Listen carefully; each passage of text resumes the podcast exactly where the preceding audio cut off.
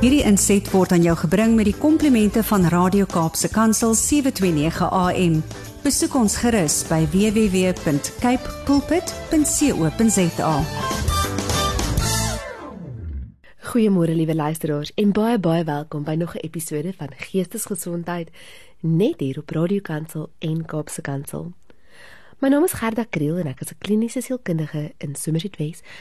En hierdie maand praat ons oor 'n onderwerp wat my baie na aan die hart lê. Nie net omdat dit 'n relevante onderwerp is in ons persoonlike lewens nie, maar ook omdat ek werklik in my praktyk so dikwels die uitwerking sien van die tekort aan vaders in mense se lewens. Nou, ons praat hierdie hele maand rondom vaderskap en die hart van die vader. En ons het verlede week gepraat oor wat gebeur wanneer 'n kind nie 'n betrokke pa in hulle lewe het nie. Hoe lyk die traject vorentoe? Nou vandag wil ek bietjie meer praat oor wat maak van 'n pa 'n 'n goeie pa? Wat maak van 'n pa 'n positiewe teenwoordige rolmodel in 'n kind se lewe? En dan volgende week sal ons meer praat oor hoe kan jy die vaderskaps eienskappe en vaardighede ontwikkel wat nodig is om hierdie goeie pa te wees oor wie ons meer leer vandag. Nou Heartlines is 'n organisasie wat 'n nuwensgewende organisasie is wat media gebruik om bewustheid en bewusmaking te kweek rondom baie belangrike kwessies in ons land.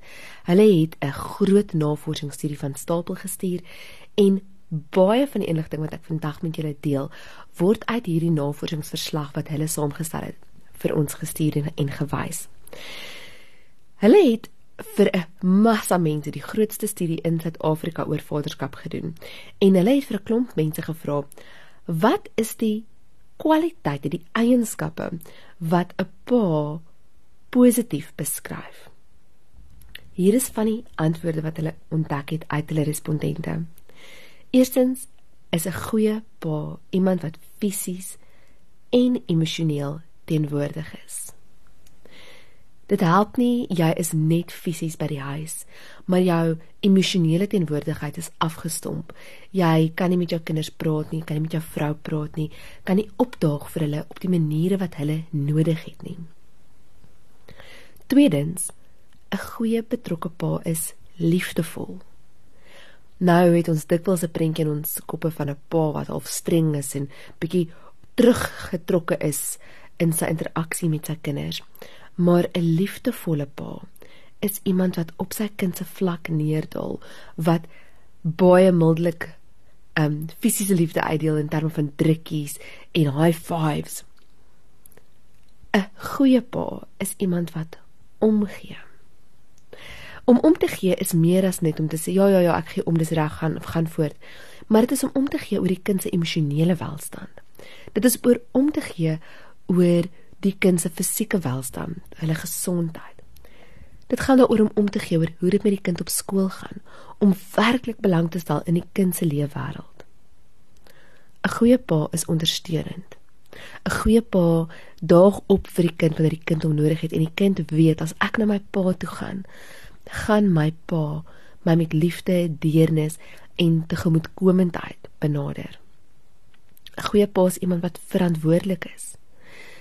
Dis wonderlik as jy al hierdie pret dinge kan wees, jy kan liefdevol wees, jy kan speelerig wees, maar jy neem nie verantwoordelikheid vir jou gesin se finansiële welstand of jy neem nie verantwoordelikheid vir die take van kinderversorging wat minder lekker is nie.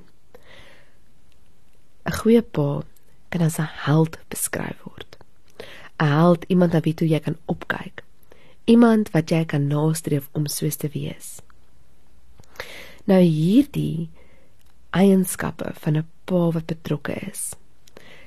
Is alles kwaliteite wanneer ons daardeur luister en lees. Luister weer mooi luisteraars om fisies en emosioneel teenwoordig te wees, liefdevol, omgee, ondersteunend, verantwoordelik, 'n held te wees.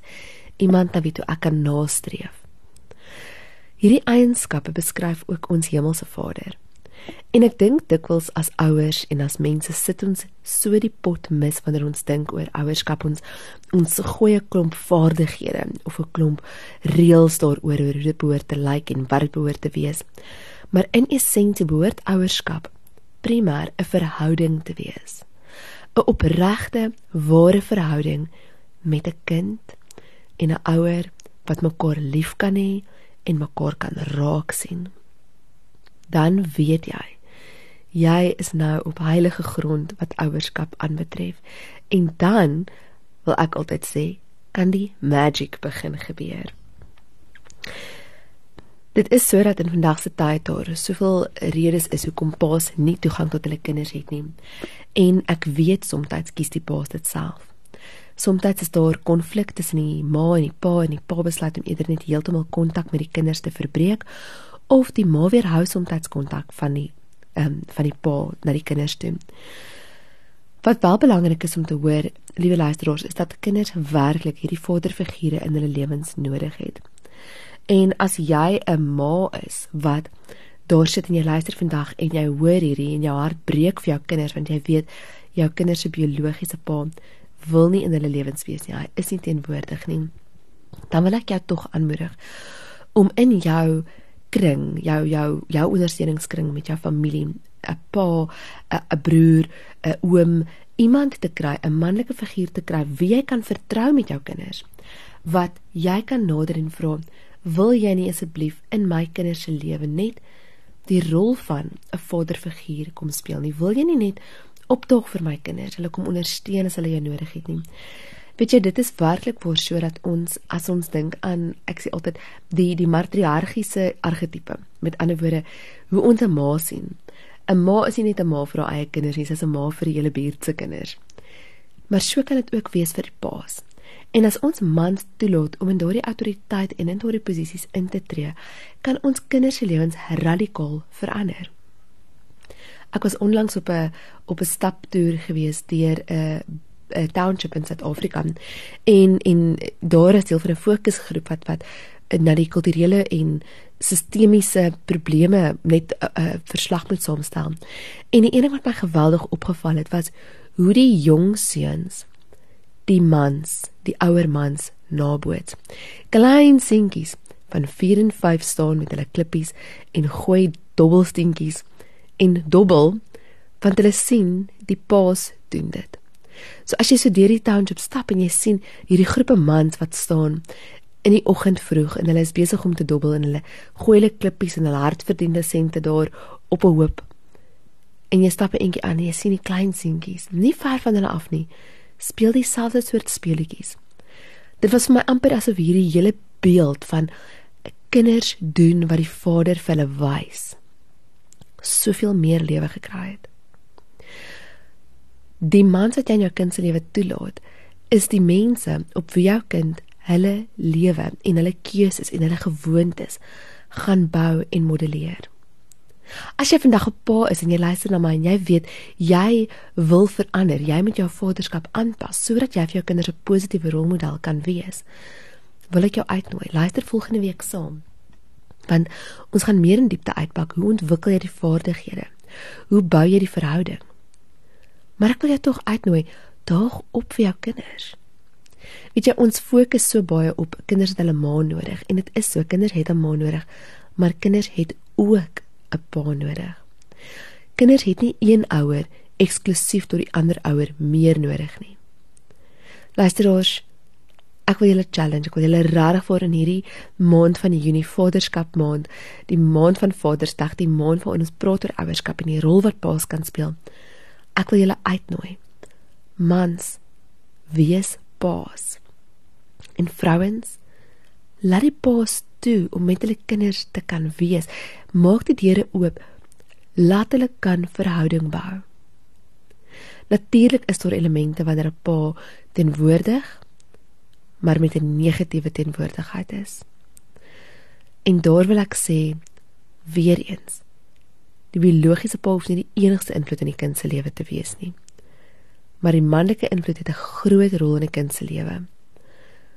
As jy vasgevang is in 'n verhouding waar jy weet die pa 'n negatiewe impak op die kinders het as gevolg van mishandeling of enigiets anders soos dit kry die hulp wat jy nodig het om 'n verskil in jou kind se lewe te maak sodat hulle nie hulle basis van wat vaderskap moet wees net op dit passeer nie. En as jy raak 'n volwassene is en jy luister nou en jy voel aangeraak en jy dink aan jou eie pa en jou eie jou eie verhouding met met mansfigure en vaderfigure in jou lewe. Wil ek vir jou sê dis nooit te laat om 'n ander template te vorm nie. Ek het net nou gesê dat ons beeld van 'n goeie aardse pa is geskoei uit en uit op dit wat Vader God vir ons is. Draai na die woord toe. Besef dat hy 'n goeie goeie pa is. 'n Goeie pa wat vir jou omgee, wat vir jou lief is en wat vir jou wil opdaag.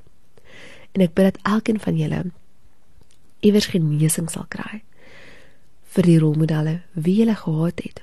Mense met voete van klei, soos wat ons almal het.